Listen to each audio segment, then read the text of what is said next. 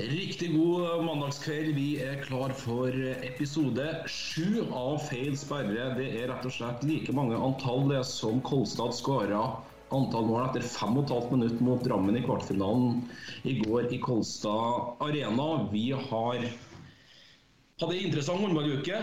Det har vært som nevnt NM-kvartfinaler for gutta.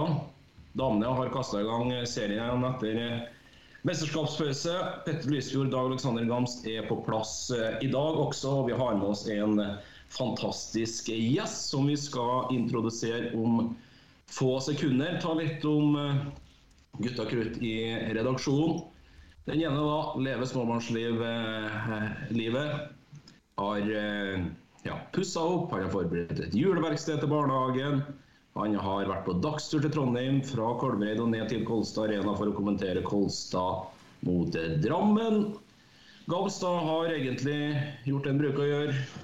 Vært på jobben, vært et lite arbeidsoppdrag med å trekke en TV-kabel, så en god kollega av meg skulle få se TV på hytta i en temperatur med tre minus innendørs på aktuell hytte. Skjedde litt verdensmesterskapet i fotball, og som sagt i går da var ringside fra kommentatorplass og kommenterte Kolstad mot Drammen, der Kolstad vant til slutt 31-21 over tabellnabo Drammen. En meget sterk prestasjon av Berge og Gomo Nilsen sitt mannskap.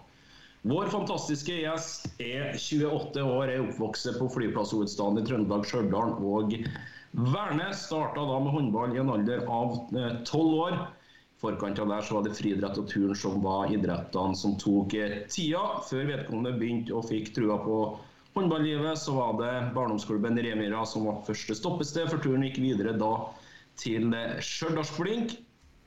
Før turen gikk inn til Stor-Trondheim og Byåsen fra 2010 til 2018. I den perioden innkasserte spilleren da tre sølvmedaljer, én bronse i ligasammenheng. Neste stopp da ble Vipers Kristiansand, der vedkommende har vunnet rubbel og bit etter å komme til klubben. Fire ligatitler, fire sluttspillmesterskap, fire NM-titler og to ganger Champions League-mester. Har foreløpig en solid landslagskarriere å vise til også. 47 kamper med flagget på brystet med 57 landslagsmål, og ført da til en europamesterskap da med valøren gull i 2016 i Sverige og kommer da fra en overbevisende 26-38-seier borte mot eh, Aker i hjemlig liga i går. Vært på trening nå i kveld og ruller rett inn i podkaststudio med oss i Feil sperre. Silje Våde, velkommen til oss. Tusen takk. Det var en, det var en eh, bra intro. Var det mye galt? Nei, jeg tror det meste stemte, altså. Fantastisk. Jeg føler meg, Hvordan er det? gammel, føler meg gammel jeg, Silje, når, eh, når han ramser opp. Ja, jeg er enig. Jeg føler jo fortsatt at jeg så vidt har gått ut av Høyna videregående. Så tida flyr. Jeg trø- trøster dere med det at undertegnede er gamlest. Så det Ja. går fint. Det går fint. Hvordan er livet i Kristiansand? Eh, du skulle jo tro det var en solskinnsby, men det er stort sett bare på sommeren. Nå er vi inne i femte uka med styrteregn, så her er det støvler og parkas som gjelder for alle penger. Men utenom det så er det fint. Gå- Godt å komme i gang med, med sesongen igjen etter mesterskapspause.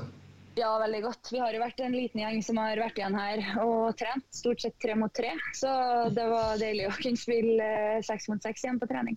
Får man ut av dem øktene? Ja, det er jo mye mer individuelt fokus, da. Eh, og så har vi jobba en del med kapasitet, så jeg har vært dødsliten nå i tre-fire uker. Så det er godt å få litt, eh, litt mer den lag, lagfølelsen på plass igjen. Solid prestasjon i går da mot uh, Aker. Ja, det ble solid. Jeg syns uh, framoverspiller ser bra ut. Og så slipper vi inn en god del eh, mål i går. Eh, tror jeg skyldes mye at vi har vært fra hverandre en stund og sliter litt med å henge sammen. Eh, så det var godt det starta mot uh, Aker og ikke rett ut i Champions League. Suverent. Eh, vi skal fortsette skulle si, podkasten, men bare kjapt innom det vi skal gå gjennom. Eh, vi skal ta en runde gjennom kvartfinalene som ble avholdt på guttesida i går i Norgesmesterskapet. Vi sender fire lag videre da, til det nye NM-konseptet Final Eight i Arendal. Silje og Viper skal spille da mot Fredrikstad nå neste onsdag også. Vil også være med på den festen.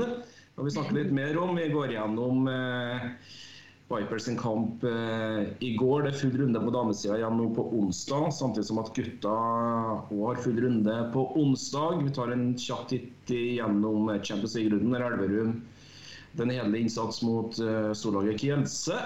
Og så har vi noen spørsmål på luringa da til eh, Silje.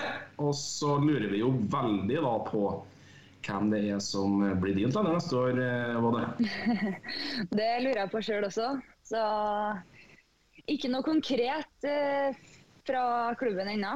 Så det blir veldig, veldig spennende å se. Er det snakkes i gruppa her? Ja, det er jo selvfølgelig snakkis. snakkes. Og så har det jo dratt ut litt. Så um, det tyder jo på at eh, de kanskje ikke hadde klart så tidlig som de uh, antyda. Um, men så er det jo igjen, det er jo ikke så mye trenerflyt og går på, i hvert fall ikke på damesida, da. Um, med, med, mye erfaring. Så jeg, jeg, vet rett og slett ikke helt. det var et stykke i Fedrelandsveien her om at Kjelling var kontakta? Ja, det hørte jeg. Han takka pent nei, hørte jeg. Så det kunne jo vært veldig spennende. Um, så får vi nå se om vi klarer å lokke nedover når barna blir litt eldre, kanskje. Jeg vet ikke. Lysfjord, har du noen på blokka som kunne tenkt deg skjedd i Vipers eh, neste år? Ikke noen flere enn forrige uke, nei, dessverre. Det er akkurat like vanskelig. Men Kristian Kjelling hadde vært eh, det har vært dritkult, tror jeg, for han har, eh, han har i hvert fall det taktiske inn, og pondusen er, er, stor nok, på en måte, så Nei, jeg skjønner at eh, styret i Vipers har en eh, jobb å gjøre. Det er ikke bare, bare å erstatte Jekstad heller. Det er noen Champions League-mesterskap og det er noen seriegull både her og der og det, så det Nei, det skal jobbes på Kristian, i Kristiansand for å få, for å få tak i den retten. Og det er ikke bare å ansette hvem som helst. Du kan jo ikke bare Nei. plukke et hode og så tenke at dette ordner seg sjøl, for vi har så mye gode spillere. Sånn fungerer I hvert fall ikke skal man vinne Champions League. Da må man ha rette mann eller rette person på rette plass. Ja, det er sant. Så er det jo Det flyter jo ikke så mye av norske trenere heller. og Jeg, jeg vet i hvert fall at det var et sterkt ønske om å, om å beholde litt av den norske kulturen, da, som kanskje har dratt Vipers eh, langt de siste årene. Um, så kan det se ut som det blir, blir vanskelig. Um, så, så, det er jo også et, et, spennende moment i det hele, da.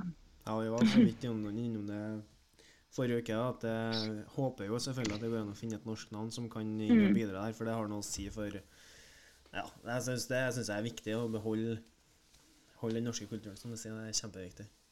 Mm.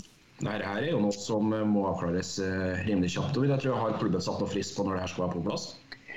Nei, jeg har ikke hørt noe frist. Eh, men jeg regner jo med at de tenker at det er godt å gå ut i juleferie med et navn på plass. Uh, det går fort og slag i slag etter nyttår. Så, så jeg tror, tror, de helst skulle ønske at de hadde på plass i går, for å være ærlig. Så bra. Nei, Vi kommer mer tilbake til det utover episoden. Kjapp runde innom kvartfinalene i går. Petter var på jobb i går. Jeg var ekstremt heldig og fikk eh, kommentere Kolstad-Drammen. Ble egentlig en kjempedominanse kjempedominans av hjemmelaget. Jeg eh, hadde ikke forestilt oss det i forkant, men i går så var det kanskje en av de beste kampene Kolstad har spilt hittil i år. Ja, det det må jo være for Bergerud er på sitt beste mm, i går, og, og det viser jo eh, klasseforskjellen. Han blir forskjellen. Han står med 17 redninger på, og 15 munnslupne når han går av etter 50 minutter. Så det er liksom Det er vanvittige tall, og da er de Når han er i det leget der, og da er de best. Og sånn er det bare. Eh, vi ble jo kalt eh, vi ble jo kalt eh, partiske i går. med Eh, to trøndere som kommenterer Kolstad som vinner med ti, så det, tror jeg det er vanskelig å ikke høre så veldig partisk ut. Men eh, det får vi stå for. Som jeg sier til deg, det er ikke vår skyld at Drammen underpresterer og kommer med for lite energi til å, til å være oppe der og henge med hele veien inn. Og sånn blir det bare. De, de ble et nummer for små i går, dessverre. Ja, eh, vi har jo brukt de to siste episodene her egentlig på å slakte Farendal, Arendal, hvor lenge de har vært i det siste. Men i, i dag så fortjener de skryt. Eh, vi må nesten si det. det det var befriende at vi i Arendal ikke skal jobbe dugnad i den Fanny Eight-helga i, i Sør Amfi. Det var moro at de tok Runar. Ja, og det er jo helklaff da for, eh, for Arendal som arrangør at det Elverum greier det mot Nærbø, Eh, Elverum har egentlig vært på en tur ned og nærme på tur opp, og så greier de å snu det likevel. Kristiansand vinner til slutt med to. Det var spennende. Den bikka fram og tilbake, mm. men det har jo mye å si. sant? At det kommer publikum fra Kristiansand, og i tillegg så greier ØIF det og etter hvert Vi satt og hadde hjertet i halsen der, men vi håpa jo på at de skulle klare det. Ikke noe vondt mot Runar, men det er viktig for arrangementet. så det er klink eh, for eh, Arendal som arrangerer at det ble som det ble. Og så må bare Silje og Vipers gjør jobben, og så blir det veldig bra, det der. Ja, Fredrikstad skal tas, Silje. Det ligger an til å bli et kjempearrangement i Arendal den neste siste helga i februar. Mm. Nei, det hadde Altså, syns det skal være tre og tre lag fra Agder fylke som, eh, som deltar i den helga.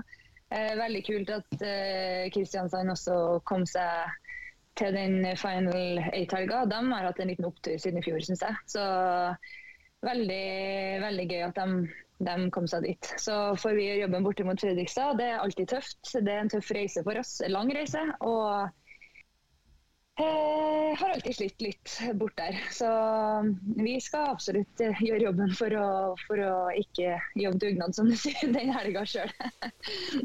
Hvem, eh, hvem, vil du ha med deg? Jeg vet ikke hvor kontroll du har på hvem som skal spille de andre kvartfinalene, men eh, sånn publikumsmessig, da, hvem, hvem, hvilket lag tror du ville ha hatt med for å um, sørge for at det blir et ordentlig arrangement? Eller bra trøkk, da, fordi det er jo dame, går jo fredag. Ja, nei, det er jo eh, Det er jo egentlig stort sett eh, en, et stykke å reise for alle de norske de kvinnelagene sine supportere, da. Men eh, jeg vil jo håpe, eller tror og håper at det blir en del favorittseire i de kvartfinalene som spilles. Så vi også får eh, et bra nivå på de kampene som skal spilles i helga. Så jeg tror uansett hvilke lag som kommer seg videre, at eh, det alltid følger med noen trofaste supportere som, som, lager liv. Det er vel ingen lag på damesida som, som, har den supportermassen som f.eks. Elverum eller ØIF, som er å reise på alle bortekamper. Men jeg vil nok tro at et Final Four eller eight, da, siden det er to klasser, eh, vil trekke en del publikum der de kan få kamp både altså, to dager på en helg. da. Så jeg vet ikke, jeg. Ikke så Bortsett fra, fra, Fredrikstad Vipers da, så er det jo Fana Sola i Bergen. Akera har hjemmematch mot Storhamar. Og så er det Byås mot Molde. Det er jo naturlig å tro at både Molde, Storhamar og Sola skal følge Vipers eh, ned til Arendal den helga. Eh, ja, det, det har vært eh, drømmescenarioet. Ja, og så har jeg jo et hjerte som blør litt for uh, Byåsen også. Så hadde ikke gjort noe om dem heller hadde uh, kara seg til Arendal i februar. ja, jeg skjønner hvor du vil hen. Og trøndere på idrettsarrangement, det, det slår aldri feil, for å si det sånn. Nei, det gjør ikke det. Bra. Eh, vi fortsetter litt Final Eight. Eh, Silje, det her er jo en nyskapning. Eh, det mm. Fardal har skaffa seg det her arrangementet nå de to kommende sesongene med opsjon på, på, et ytterligere år. Eh, hvilke tanker har dere om det her i Vipers?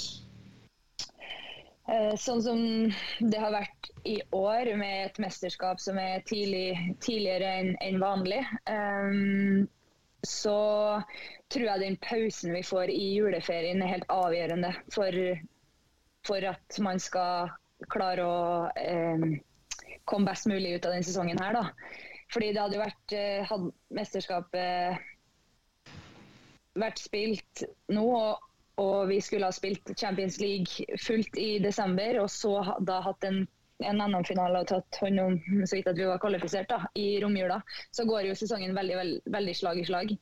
Så jeg tror for, spesielt for klubber som Vipers, som spiller både norsk liga og Champions League, så er den lille uka man kan få pause i romjula helt vesentlig for både motivasjon og for, for å komme fitt tilbake til del to av sesongen. Så jeg tror det er en god løsning. Jeg håper at det er kanskje en bedre løsning enn den som ble i fjor, eh, der det var utrolig tilskuerfattig i Jordal Amfi.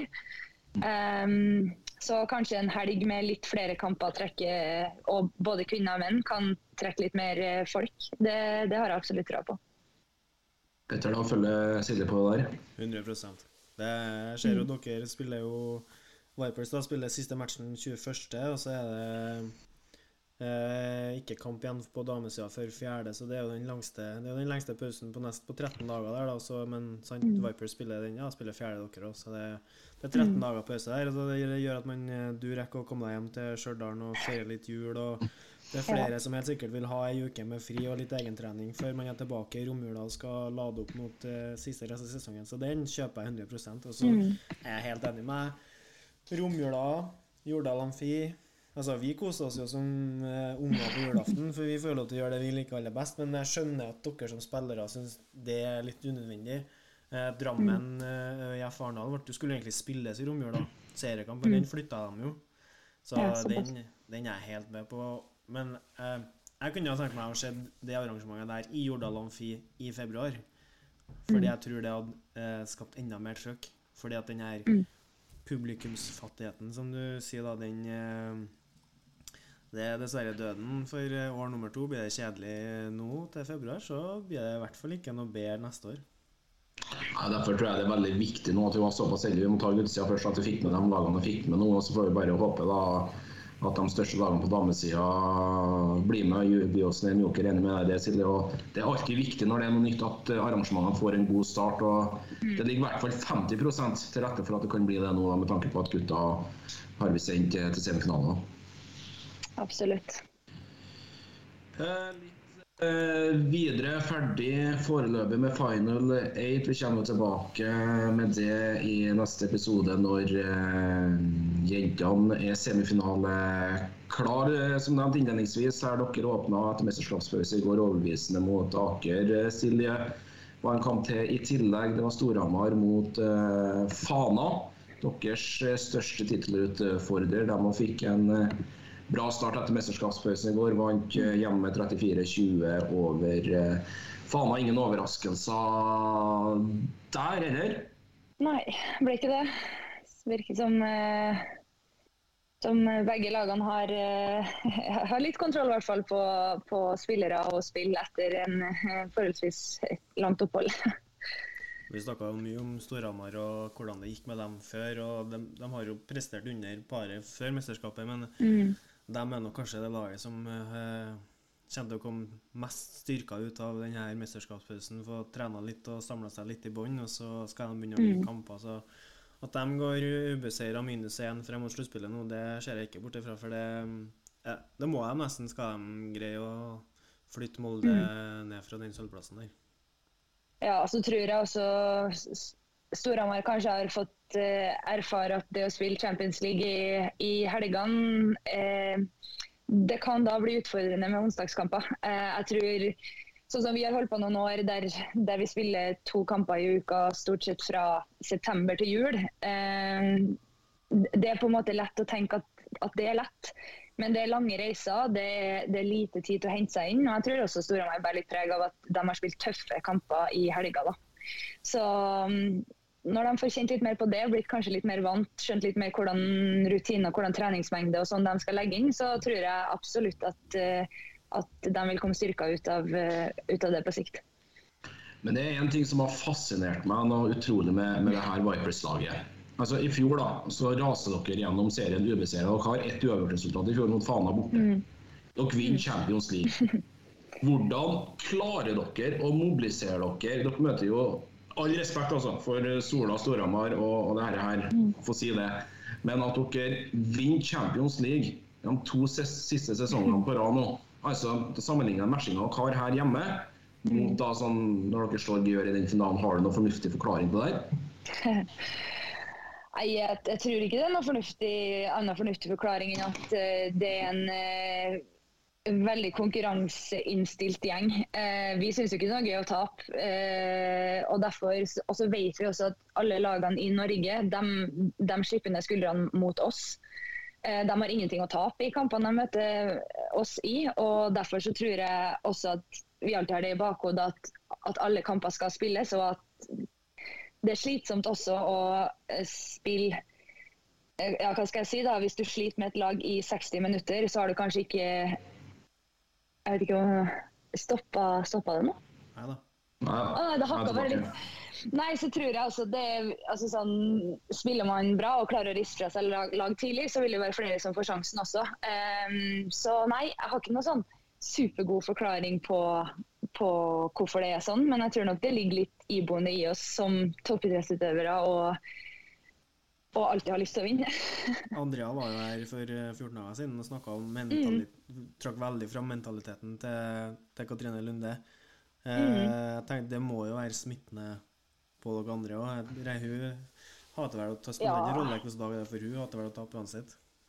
Nei, ja, dama der er helt, eh, helt rå. Hun har vunnet alt som er. Hun er mestvinnende nå, som jeg forsto det etter det EM-et her. Og hun er den som setter liv og helse i fare på oppvarming med smashball.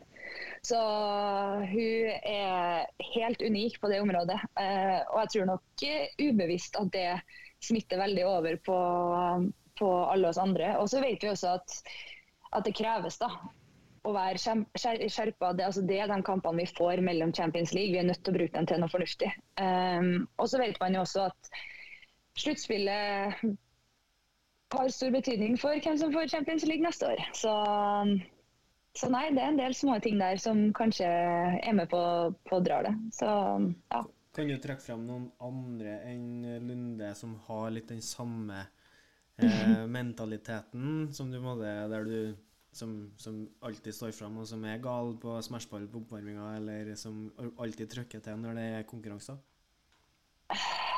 Jeg vil jo si at hun kanskje skiller seg ut. Og så vil jeg nok si at eh, det, det er ingen som, som syns det er helt OK å vinne. Eh, men så har du jo også en spiller som Ragnhild, som er full av temperament, f.eks. Eh, som eh, ja, i hvert fall alltid går i krigen.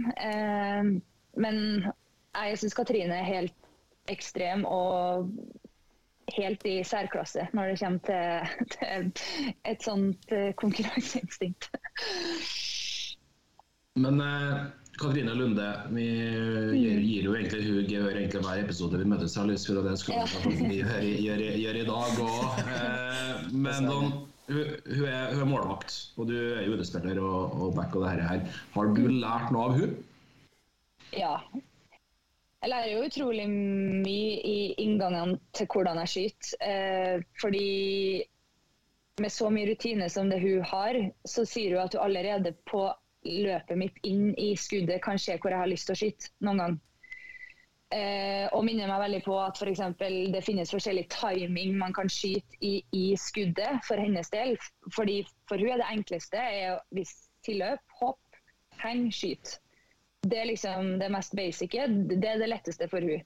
Så jeg har fått utrolig mange innspill på ulike timinger, ulike, ulike tidspunkt i hoppet man kan skyte, og ulike innganger man kan ha til skuddet. Da. Og Det kan være alt fra blikket ditt, hvor du fester blikket, um, hvordan vei du setter foten. altså sånn, Hun er så detaljorientert. Så 100 at jeg har lært, lært masse fra hun der. Men også i forhold til samarbeid forsvar-målvakt. Eh, hun er jo stinn av erfaring der òg, og føler ofte at du trykker på de riktige knappene for at det går eh, i blokka eller utafor mål, da, eh, med de tipsene hun gir. Så, så absolutt. Det, jeg tror ikke helt man skjønner verdien av å ha en sånn spiller på laget før man faktisk får oppleve det.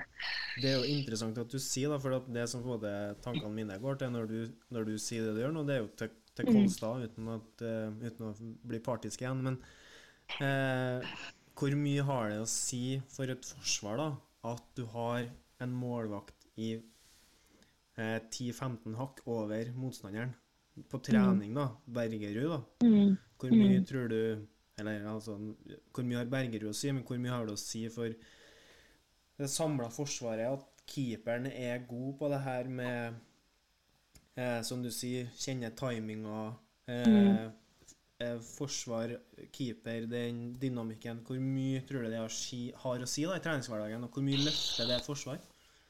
Jeg tror det har ekstremt mye å si i treningshverdagen. Det er jo egentlig begge veier, fordi man, man vet at hvis hun er, er fornøyd, så er det som regel godt nok. Eh, og Det samme gjelder jo med skuddene man skyter på trening. Skårer man på Katrine, så skulle man også tro at det var godt nok til å få ballen i mål. Alle andre, så Det kan jo enten gi veldig selvtillit, eller så kan det jo være en, en trening hvor hun ikke har tenkt å slippe inn en eneste ball. Og du går fra treninga og tenker, tenker shit, kanskje jeg skal finne på noe annet. Så jeg tror, eh, jeg tror eh, Altså sånn, jeg kan gå så langt og si at jeg tror ikke et lag med en middels keeper noen gang har sjanse til å vinne Champions League. Så ærlig må man være. Jeg tror det er nødt til å ha en keeper i verdensklasse for i det hele tatt være med å lukte på den tittelen. Så det er en ekstremt viktig posisjon. Det ser ut som hun vil være med videre på det. Ny treårskontrakt, OL i Paris, ja. 24 og en tri trippel i Champions League. Det, er, det er helt rått. Det, man blir nesten tom for superlativer rundt den der dama. Det må være ufattelig artig å være lagvenninne med, med Lunde. Ja, det, det, det må oppleves. For å, det som du sier, jeg går òg litt tom for superlativer når hun Altså, den merittlista hun har, det Ja, jeg tror ikke kan bla i den norske ordboka og finne et ord som passer en gang. Så um, det er helt ekstremt. Det er ikke tida til nå. Nei. det har vi ikke. Skal vi rase litt uh, videre, Petter? Eh, fortsette litt i hjemlig liga og kvartfinale for gutta i går. Vi hadde et par seriekamper i forkant. Eh, ja, favorittene vinner. Eh, Kolstad vinner, Drammen vinner, Elverum. Ja, det er som sagt det er klink for, eh, for arrangør og for nivået, så det er veldig bra. Ja, det er så får vi, et interessant ja. poeng da, eh, når vi har sittet her og slakta via eh, Farendal og til Didar Elverum og på en måte snakka om den her De har sitt, går i intervju etter kamp og sier det her er ikke viktig og viser ikke glede og hele den pakka her. Og så står vi der og tenker vi ja, greier de å snu det? Er de på når de gjelder? Er det så enkelt som de skal ha det til, at det bare er en knips, og så er de på, og så pisser de på motstanderen, og, og så viser det seg at ja, det er faktisk sånn. Og det er imponerende. Eh, Mario Matic og eh, Nå hadde jeg sett så veldig nøye på den eh, var vel ikke med i går. Eh, Larsson og Søndene var vel ute i går, og tror jeg, så det gjør det jo sånn sett enda mer imponerende. Det er ikke mange som vinner Runar-hallen i, i, løpet av denne sesongen, altså. Ikke det. Han tar jo melder seg på, har plutselig fire, vært usynlig siste. Hofstad med fire bra. I Fiala virkelig skrudd på med åtte. Matic har to og står med ikke mindre enn ti assist. Eh. Sondre Paulsen eh, Comeback igjen! Gått fra, Øyestad opp igjen til Arendal? Null mål og tre assist, så det sier jo litt om hvordan det ser ut da når, eh, når Sønne nå er ute. Men eh, Eres da 42% så guttene skrur på, og det er vanvittig imponerende. Og det sier noe om at vi Ja da, Kolstad vinner nok serien, men det er fortsatt eh, spenning inn i sluttspillet. Heldigvis. Silje, da får du fulgt med noe mye på, på herreavdelinga? Eh, jeg følger med litt. Eh, jeg ser nå de store kampene Elverum i Champions League. Eh, har jeg fått med meg det meste. Og så syns jeg jo det er utrolig spennende med Kolstad. Så jeg har jo fått sett litt kamper fra dem, men, men jeg skal være ærlig og si at jeg har ikke sett alt. Du nevner det sjøl, Kolstad-prosjektet. Det er en ufattelig bra start de har fått. Ja. Ti på stripe, og det er NM-semi og var egentlig centimeter unna å gå videre til Europa òg. Mm. Jeg tror det er utrolig bra for eh, en storby som Trondheim at det begynner å Det har vært snakka om det i mange år, eh, at man skal få til noen ting. Eh, så er det jo langt fra ord til handling, men nå begynner jo Kolstad virkelig å virkelig å vise at de mener alvor. Eh, og det syns jeg er utrolig kult. Hvor har eh, de snakker jo om at de vil etablere seg i det gjeveste selskapet i Champions eh, League. Vi vet jo Sander Sagåsen, Gøran Johannessen og Avevik Rød kommer neste år. Nå. Hvor, mm. Hvordan kan de, eh, kan de nå, tror du? Nei, jeg tror de, de har jo virkelig gjort eh, kjøp av spillere som tilsier at de mener alvor. Det syns jeg absolutt. Og så er det jo vi har jo sett det før òg, store lag som kjøper masse navn og ikke får det helt til. Nå tror jeg de har gjort eh, veldig lurt i å hente eh, norske spillere, som kjenner altså selvfølgelig krydra med en del fra, fra andre land, men, men basen er, er, er, ganske norsk. Eh, det tror jeg kan være en stor fordel. Um, og så trenger vi jo flere lag på herresida. Nå har jo Elverum vært med i Champions League eh, noen sesonger. Og jeg tror eh, det er utrolig bra for hele Håndball-Norge at, eh, at satsinga på herresida begynner å bli såpass bra og attraktiv. Da. Så jeg tror de kan nå veldig langt. Og så vil jeg nesten si at de også burde det, med det budsjettet de har gått inn med og, og, og de midlene de bruker på det. Så tror jeg at hvis de ikke kommer seg til Champions League, så tror jeg man kan kalle prosjektet en fiasko. så det ligger jo litt press på dem også. Um, men det viser, viser, jo at de er på god vei, da. Du nevner det jo sjøl innledningsvis. her, Hvis du skal gå til topp i Champions League, så må du ha en verdensklassekeeper. Det har de fått tak i. Mm.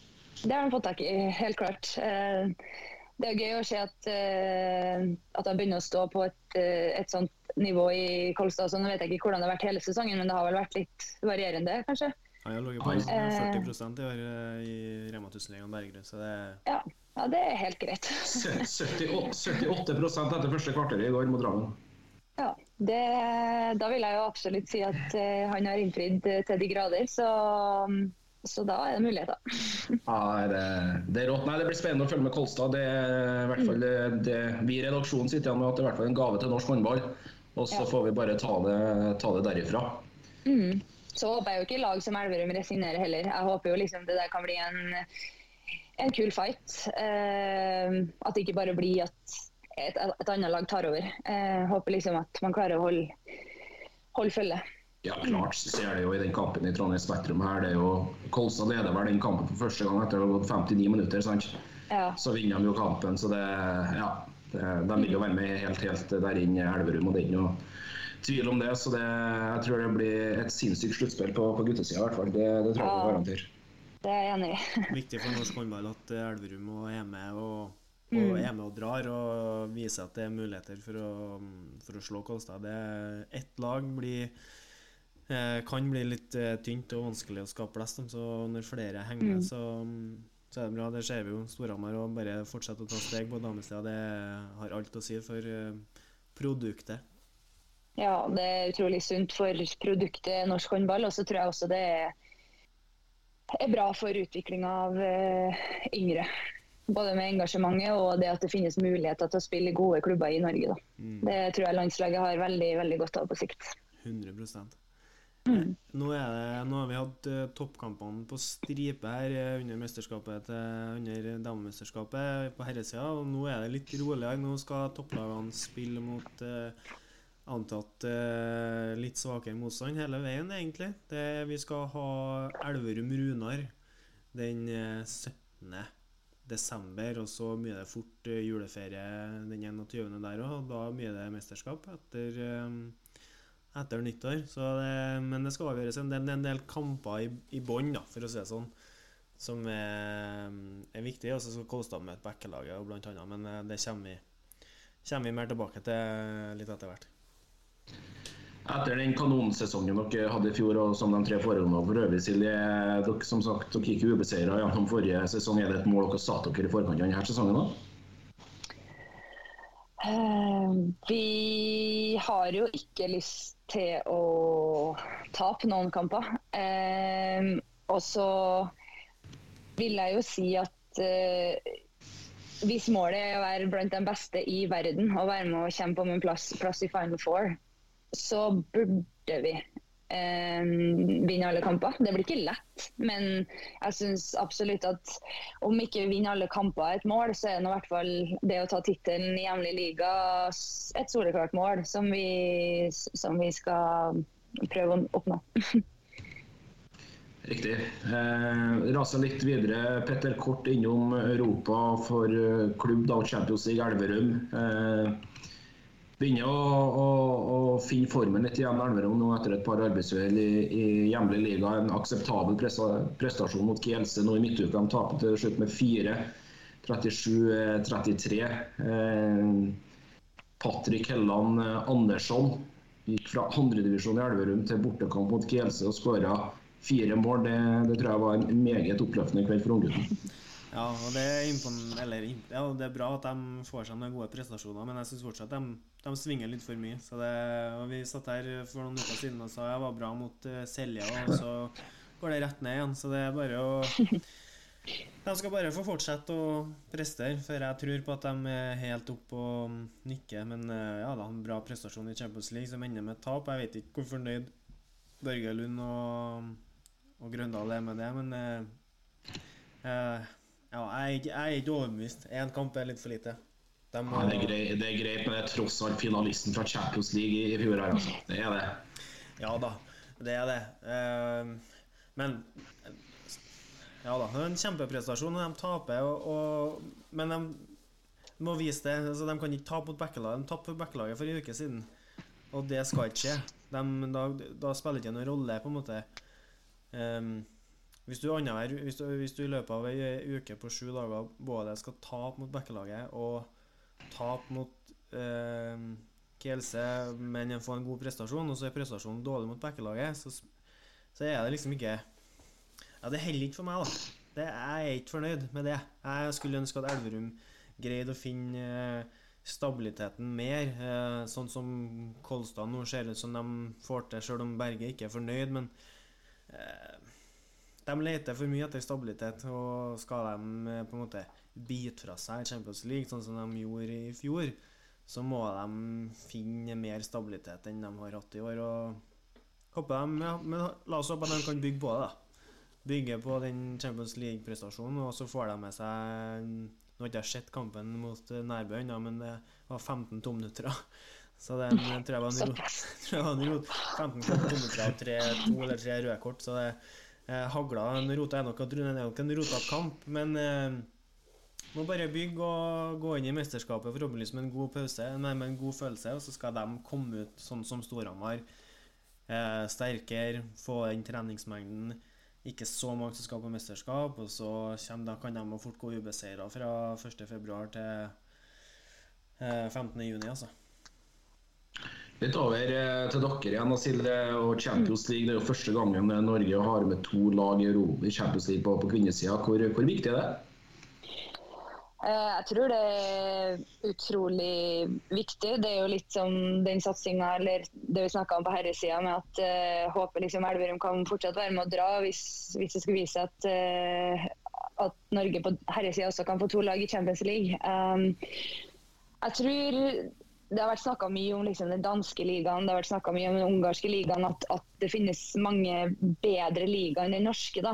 Um, og jeg tror to lag i Champions League absolutt kan gjøre den norske eh, ligaen eller serien mer attraktiv. Da, så at det blir mer attraktivt å spille i, spille i norske klubber.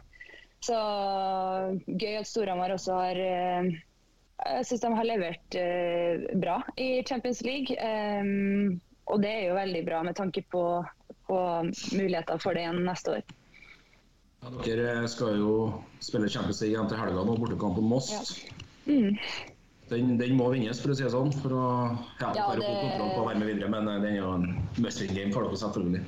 Ja, den er det. Det er det helt klart svakeste laget i, i gruppa. Eh, så de neste to kampene så skal vi ha fire poeng. Eh, det må vi ha for å, for å få en god plassering og eventuelt en la oss kalle i hermetegn lettere motstand. Fordi jeg syns det er utrolig mange bra lag, eh, jevne lag, med i år. Så om det blir lettere å bli nummer eh, tre eller fire eller to eller hva det blir i gruppa, det er litt vanskelig å spå. Eh, men vi liker å tro at vinner man flest, eh, flest mulig kamper, så, så, vil man også få, få, betalt for det i en eventuelt eh, eh, playoff eller kvartfinale. Så det er poeng vi skal, skal, ha. Det er kanskje det eneste laget i gruppa vår som er skikkelig bunnlag. Mm. Jeg syns gruppa vår er tøff. Eh, stort sett alle andre lag biter fra seg og tar poeng, men, eh, men Moss er et lag, eh, lag, vi skal slå. Mm. Bra. Um, da er vi litt videre. vi har jo prøvd å krote ned noen spørsmål til deg òg. Du har jo gjennomgått hele tre korsbåndskader. Ja. og det er jo en vanvittig jobb som står bak for å komme tilbake på det nivået du er alle de tre gangene. Hva er det egentlig som har motivert deg? Ja, godt, det, det, er et godt spørsmål. Um, jeg tror på en måte at um, det har gått såpass lang tid fra min forrige korsbåndskade at uh, man blir liksom traumatisert, så man, man glemmer litt uh, hvor, hvor vanskelig det er å stå i det, og hvor, hvor, krevende det er å komme seg tilbake når jeg har fått så mange gode erfaringer imellom. Uh, jeg tror Hadde de korsbåndskadene kommet på stripe, så tror jeg det er litt mer som skulle ha ja, det skal ikke si at jeg ikke hadde spilt håndball i dag, men jeg tror nok Eh, det har vært vanskelig å lete fram noe, noe motivasjon for å, for å, komme seg tilbake da. Um, men uh, jeg vet ikke. Jeg tror det kanskje er alle de positive opplevelsene jeg har fått mellom den, spesielt den andre og den tredje gangen. Da gikk det jo sju år hvor, jeg, hvor, jeg, fikk spille håndball. Så um, det er vel en følelse av at man fortsatt ikke er, føler seg ferdig. Um, og at man er sugne på flere, flere kule opplevelser, rett og slett. Det er sju år siden sist, det var mens vi gikk på i fjerdeklassen på Heimdal du fikk den eh, eller var det rett etterpå? Ja, jeg tok uh, først nå i 2011, og ja. så røyka det egentlig ganske på nytt igjen. Spilte bare ett år. Uh, to år. Ja. Røykte i 2014. Ja. Og så har jeg vært uh, sju år, da imellom. Mm. Hvor mye Og det var Ja, bare ja. Nei, det var jo Jeg har jo før den gangen her så hadde jeg jo røkket det to ganger på venstre kne, og nå var det høyre, da. Ja. Hvor mye uh, Når du kommer tilbake fra skaden, og du har jobba et år eller så med den her mye kapasitet, og det var, jeg har sett på Instagram det var en seier bare å gå igjen, liksom, men hvor, ja. hvor uh, eh, håndballmessig, da? Hvor langt unna er du mm. hvor mye, hvor, Altså et år med skade, da, hvor mye skal vi sette deg tilbake? Um, nei, jeg, jeg, tror ikke det finnes noen fasit på det, men de sier jo at uh, ett år ut med skade, så tar det dobbelt så lang tid for å komme tilbake på det nivået man var. Uh, jeg håper ikke det tar to år, uh, men det er en utrolig tidkrevende prosess og en frustrerende periode. fordi at man er så vant til at uh, ting sitter. Man er vant til timinga. Man man er, vant til at hodet og kroppen utfører det man vil. Uh, og så er man rusten på alle områder. Altså sånn, Uansett om jeg har trent meg i hjel et år, så er det fortsatt noe annet å få kroppskontakt og uh, ha tøffe fysiske dueller da, på en håndballbane. det er ikke så mye trening som kan uansett hvor mange fotarbeidsintervaller jeg springer, så vil jeg aldri oppnå den samme intensiteten som det å spille håndball. Så det, det tar tid. Jeg syns at jeg nå er på god vei. Um, fikk jo vært med så vidt det var før sesongen var ferdig. Um, jeg syns at sammenligne det jeg følte da og det jeg føler nå, er to helt forskjellige spillere. Um, begynner å kjenne meg trygg, føler jeg har vært hele veien, men jeg begynner å kjenne meg mer eh, tilfreds, mer fornøyd med hvordan kroppen responderer, hvordan, hvordan timinga sitter, så er det jo fortsatt eh, ustabilt. Eh, men, men, jeg syns i hvert fall sjøl at jeg begynner å, begynner å kjenne igjen meg sjøl litt bedre. Hvis du skrur eh, tida litt tilbake her, vi var inne på det i introduksjonen av deg. Både din idrettskarriere starta med friidrett og turn? Ja. så ble det håndballspiller eh, etter hvert. Hva, hva var det som beit deg merke i håndball? Eh, jeg bodde i Tyskland i tre år fra jeg var åtte til jeg var elleve, fordi pappa jobba i, i Forsvaret. Um, og i Tyskland der jeg har spilt, så gikk jeg på en amerikansk skole. Uh, der var det ingenting håndball. Så jeg visste jo ikke hva det var, så jeg flytta tilbake som eh, elleveåring og skjønte at alle i klassen min spilte håndball. Eh, så viste det seg jo at så var de sånn Ja, men Silje, du må bli med. Du må bli med på håndballtrening. Så tenkte jeg sånn, ja ja, det kan jeg jo prøve. Og jeg hadde jo ikke skjønt at det var utrolig sjeldent å være venstrehendt. Så når treneren så at jeg kom og kasta med venstrehånda og var sikkert ja, på den tida kanskje da en av de høyeste i tillegg, så sa han sånn du kan ikke komme i morgen, du skal komme i morgen. Så det var jo litt sånn det starta, egentlig. Litt tilfeldig, men eh, etter hvert så Jeg ble jo forelska i spillet med en gang. Syns det er utrolig motiverende og spennende å jobbe sammen med andre for å, for å oppnå ting. Uh, jeg var jo den som hata mest av alle, tror jeg. At jeg skulle stå for en hel prestasjon alene, sånn på friidrettsbanen. Altså, sånn, det var bare meg de så på. Det var, altså, sånn, gikk det dårlig, var det min skyld. Eh, gikk det bra, var det min skyld eller min fortjeneste. Eh, jeg syns det er utrolig kult å, kult å, jobbe i et lag. Så litt tilfeldig, men eh, visste at det var det som skulle trekke meg. Fantastisk historie. Mm. Eh, vi fortsetter litt på Byåsen-tida. Det var jo der i åtte sesonger, fra 10 til 18. Eh, og den klubben der har fostra opp x antall landslagsspillere. En god del av dem var der når du òg var der. Eh, du reiste til Kristiansand og Vipers, flere dro til Danmark. Eh, hvordan er kontakten med dem som fremdeles er i Byåsen, og dem som har reist både til Danmark og ja, Romania og litt sånn der? Um, ja, det er jo ut utrolig få som er igjen fra den Byåsen-tida da jeg spilte der. Eh, det er jo Theodora Tomak egentlig som er den den eneste spilleren, tror jeg, som er igjen Det var jo en del hospitanter som var med oss på den tida, men hun er vel kanskje den eneste spilleren som For... er igjen fra den tida jeg har spilt. År var aldri inn, år var ikke innom uh... Nei, hun spilte i Tertnes siste året mitt i Byåsen, så hun kom, uh, kom, til Byåsen det året jeg dro. Hun var ikke, um, men, var ikke innom i det hele tatt den tida du var der, hvis du var der fra ti? Hun er jo ikke så gammel, er det? Ja, og... Jeg var i Tertnes før det, Karoline år. Hun er like gammel som meg, er hun ikke det? Ja. Det kan stemme. Om ikke år yngre. Ja. Mm. ja, stemmer. Så snakker jo litt med Theo, selvfølgelig. Men eh, ellers så er vi jo spredt over alle breddegrader. Så, men har god kontakt med stort sett eh, alle dem, dem i min årgang da, som, som spilte i Byåsen. Du har jo Kristin i Storhamar. Mm. Så har du Marit i Esbjerg, og så har du eh, Maren i Odense. Så, og Malin var vel aldri innom Byåsen, men uh, kjente jo godt til henne for det. da. Uh, hun er jo i Romania, så Emilie i Romania Det er jo ja, utrolig mange som fortsatt holder på. Så um, nei, vi, vi holder kontakten fortsatt. Så det er veldig, veldig hyggelig. Mm. Andrea i, i kast. Ja, og selvfølgelig Andrea i kast. Jeg tror jo fortsatt spiller på laget mitt. Så, så mye, så mye savner jeg hun faktisk. det er ganske ah. oppsiktsvekkende. Vi gikk jo vi gikk i hvert fall i parallellklasse, Silje. Og mm. av oss, da, gutta krutt, så er det jo Lasse som er igjen. ja. Ellers er det Ellers er det dårlig håndballkarriere, mens mm.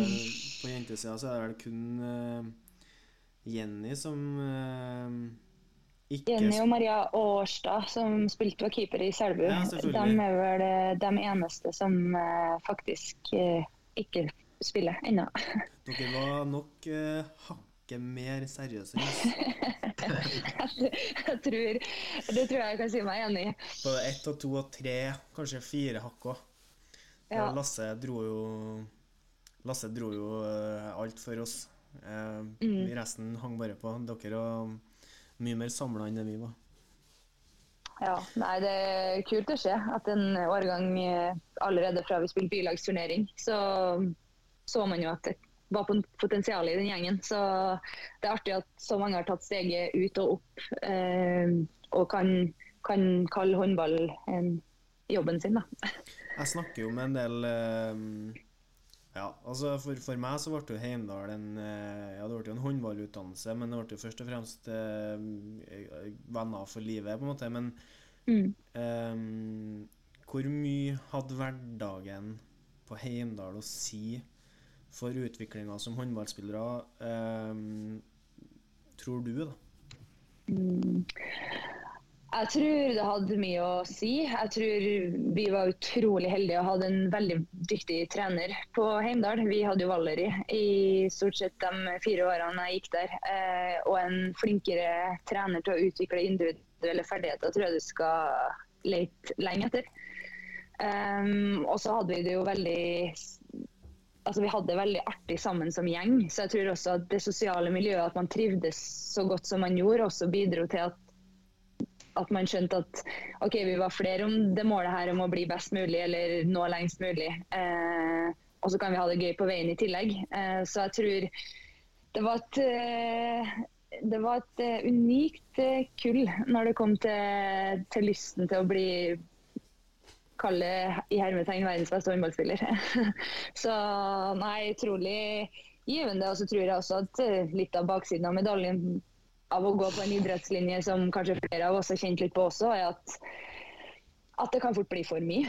Eh, jeg tror det finnes mange veier til rom. Og så tror jeg det at eh, man trener med flere lag, hospiterer opp og ned, kanskje ikke har vært det sunneste for, for meg personlig tidlig i min karriere. Som har gjort at det har vært en del lange skadeopphold. Um, men sånn som jeg ser Heimdal nå, så tror jeg det har blitt mer fokus på at ikke totalbelastninga skal bli for stor. da. Fordi det kunne man kanskje kjenne litt på til tider at uh, det er en del ting som kunne vært unngått, kanskje. Ja, det, var, det, men det, det, det, er artig å tenke på hvor, uh, hvor stor forskjell det går an, og hvor lite, mm. kultur, hvor lite kultur vi altså, vi, hadde, men, vi hadde bare artig, vi.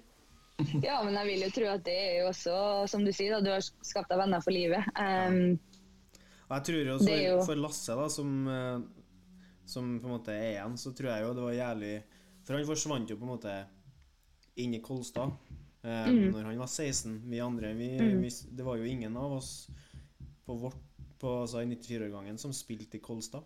Eh, Mathias var kanskje innom litt Mm. Eh, helt, helt i starten. Men ellers så var vi jo ikke Vi var ikke i Kolstad. Så vi, han hadde jo ikke den her um, uh, Jo, han ble jo venner med dem òg. Og det er jo en fin gjeng som var der. 92, Følstad, Five, Østmo, mm. guttene, liksom. Men eh, jeg tror jo det hadde noe å si for han at han hadde en håndballhverdag som var Eh, som for dere da, morsom, og mm. det var artig på veien. Og så tok han mm. det hakket mer seriøst enn oss resten, og det tok lenger. Men, men jeg tror jo det har, som du sier, det er mye å si. Og det her med hospitering og total belastning Det er jo helt avhengig av at klubb snakker med skole eh, mm. for, å, for, å, gjøre det. Og nå ser jeg jo Nå er det jo Det er vel Arne som har eh, Arne Høgdahl som har jentesida, så er det Gomo og Berge som på en måte har ansvaret for, for mm. guttesida. Så da snakker fort klubb og klubb og skole, skole sammen. Ja, ja. Så det går an å, å liksom få til ei bra belastning. For det er som du sier, det er nok viktig. Jeg kan jo bare snakke for meg sjøl, men jeg tror jeg hadde kommet til å holde på lenger som aktiv utøver hvis jeg ikke hadde gått idrettslinje. Ja. Jeg tror det og det er jo stort sett eh, sånn, i hvert fall på damesida eller jentesida der vi var, så var det jo stort sett eh, folk som var ivrige av natur. Altså sånn, Vi skulle jo heller bremses ni av ti ganger enn å pushes. Um, så, men det virker som det har blitt bedre, at de har tettere samarbeid med Olympiatoppen. Tettere samarbeid med at ikke ja, totalbelastninga blir for, for stor. da. Vi var stikk motsatt, vi. Ja. Tidene for uh, andre seg. Tidene for andre seg. De gjør det. Nei, det var koselig. Helt absurd spørsmål, Silje, men du har jo reist ja. til en klubb i Kristiansand som har vunnet det som kan vinnes kan, spesielt etter du kom dit. Eh, men eh, ser du for deg i nær fremtid eventuelt om å bruke passet ditt til å reise utenlands? Uh, ja, jeg har vært veldig sånn uh, litt sånn uh, Hvorfor skal jeg gjøre det når verdens beste klubb er i Norge? Mm. Og så har jeg på en måte også en, en historikk som gjør det litt skumlere for meg å dra til en utenlandsklubb. jeg ser jo på det Her får jeg Altså her kjenner de meg, de vet hva jeg har vært igjennom, de vet historien min, altså på godt og vondt. Altså. Men, men jeg har i hvert fall funnet et, et, løp som funker bra for min kropp. Og så vet jeg ikke alltid om hvor lett det er å dra til utlandet og si at eh, jeg må ha fri fra håndball en dag i uka. Eh, hvis ikke så, så mm. kan det gå rett vest. Så jeg tror på en måte at sånn, akkurat sånn som det er nå, så trives jeg veldig godt med å være i Vipers. Jeg føler fortsatt at jeg er på en opptrapping etter den siste skaden. Kroppen kjennes bra, så skal jeg jo aldri si aldri. Altså sånn ender det opp med at uh, knærne kjennes uh, fine ut, og man skulle lukte på lyst til å prøve noe annet om to år, så skal jeg ikke si nei nå. Men sånn som det er per dags dato, så, så trives jeg veldig godt i Vipers. Og har ikke noe sånn stor drøm om å eh, spille i utlandet. Vi har fått inn et spørsmål av en fast eh, lytter av oss som heter for eh, Thomas Ulriksen. Han lurer faktisk på hva det beste med å være i Vipers uten å vinne Champions League? Oi, uten å vinne Champions League. Uh, ja, si det. Um, nei, jeg syns det tror jeg ikke går bare på det å være i Vipers, men jeg tror det generelt er det å bli kjent med nye mennesker, nye kulturer. Uh, altså, i, vi starta med å være et nesten hel, helnorsk lag eh, til å blitt et veldig internasjonalt lag i, i, år. Og det er utrolig spennende å se hvor, eh, hvor forskjellige eh, plasser folk kommer fra. Og hvor forskjellige kulturer er fra, fra ulike, um, ulike, land. Da. Så jeg syns på en måte det å være omgitt av så mange fine personer eh, er kanskje Altså, så jentene da, på laget kanskje er det som er best etter å vinne Champions League. Å være på sommeren er jo kjempebra, men, eh, men det, det snak, da snakker vi kun sommerhalvåret. Så det jo et vanskelig spørsmål, men eh, det må nok være eh, jentene, altså laget. Laget.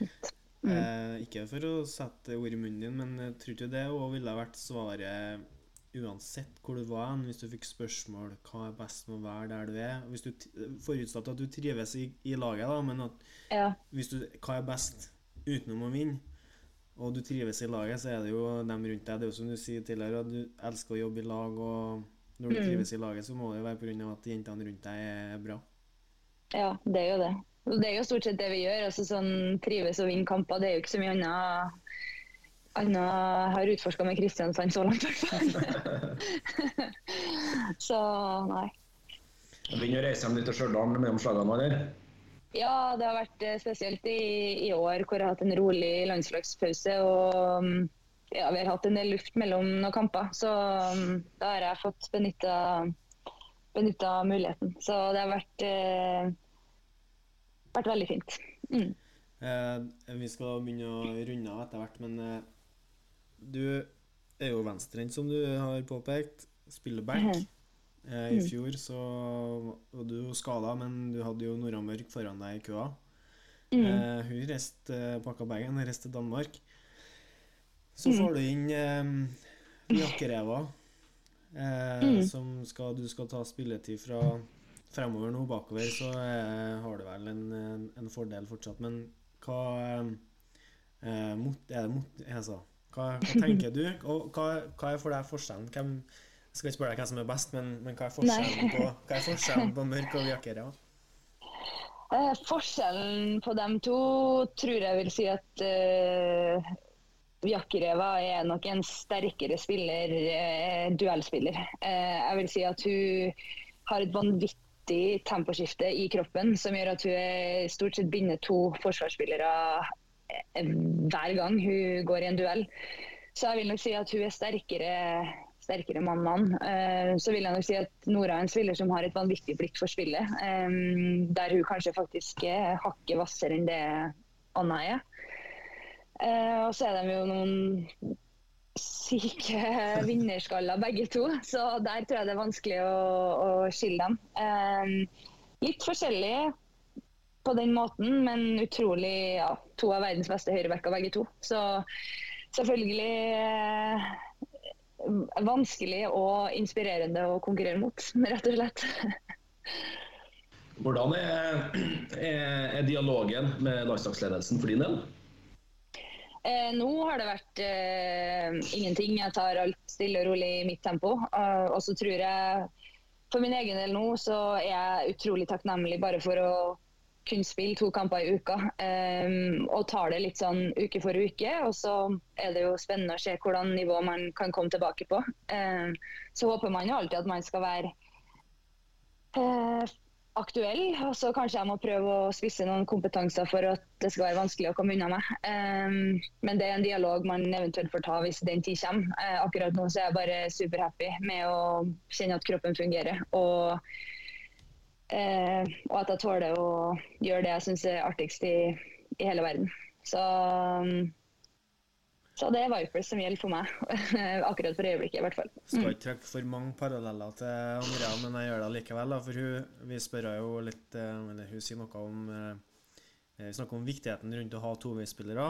Eh, og det ser vi jo i mesterskapet. Og eh, vi ser jo hvor sårbart det er når eh, skogran må, skogran må inn og gjøre den jobben bakover, og man på en måte mister noe i avslutninga fra kant. Så, Mm. eh, og din kompetanse har jo kanskje best forsvarsspiller, så, Mm. så eh, i mine øyne så eh, tror ikke jeg veien er så langt tilbake. Jeg tror det er viktig for, eh, viktig for landslaget, og jo fortere det går, jo viktigere er det å ha toveisspillere. Så det er bare å mm, få på klisteret og skyte mest mulig på Lunde. Så det, Ja. det melder jeg på der òg. Jeg skal gjøre det. Vi tar tatt det stille og rolig. og jo, altså Min vei tilbake i spillet har jo vært tryggheten i forsvarsspillet. Eh, og Det å på en måte kunne starte en plass og finne tryggheten der, tror jeg også vil, vil gjøre at man fortere finner flyt eh, begge veier. da. Så um, tar det stille og rolig. Kroppen eh, henger med så langt. Så, så får vi satse på at du har rett, Petter. En eh, stille og rolig oppkjøring med OK kampbelastning skal føre til en eh, kurve som peker oppover for Silje Våde, er planen herifra. Jepp. Høres bra ut. Vi har holdt noe mer på Nei, vi har holdt på i over en time. Vi skal, mm, klokka går mot uh, halv ti. Jeg skal fortsette uh, Jeg har et soverom som skal ordnes, så jeg slipper å ha minstemann ved siden av meg. Han skal ut av soverommet. Så det er bare å ta på seg arbeidshanskene og få inn en time her nå på um, Få jobba en time og ordna litt, sånn at eh, dagen går. Du kan ikke bli ferdig ennå. Så eh, nei, bra. Bra for min side. Fantastisk. Silje Våde, tusen hjertelig takk for at du tok deg tida til oss denne timen denne månedskvelden. Fantastisk å ha deg med. Takk for at jeg fikk være med. Veldig hyggelig. Vi slår plutselig på tråden. Tusen takk for praten.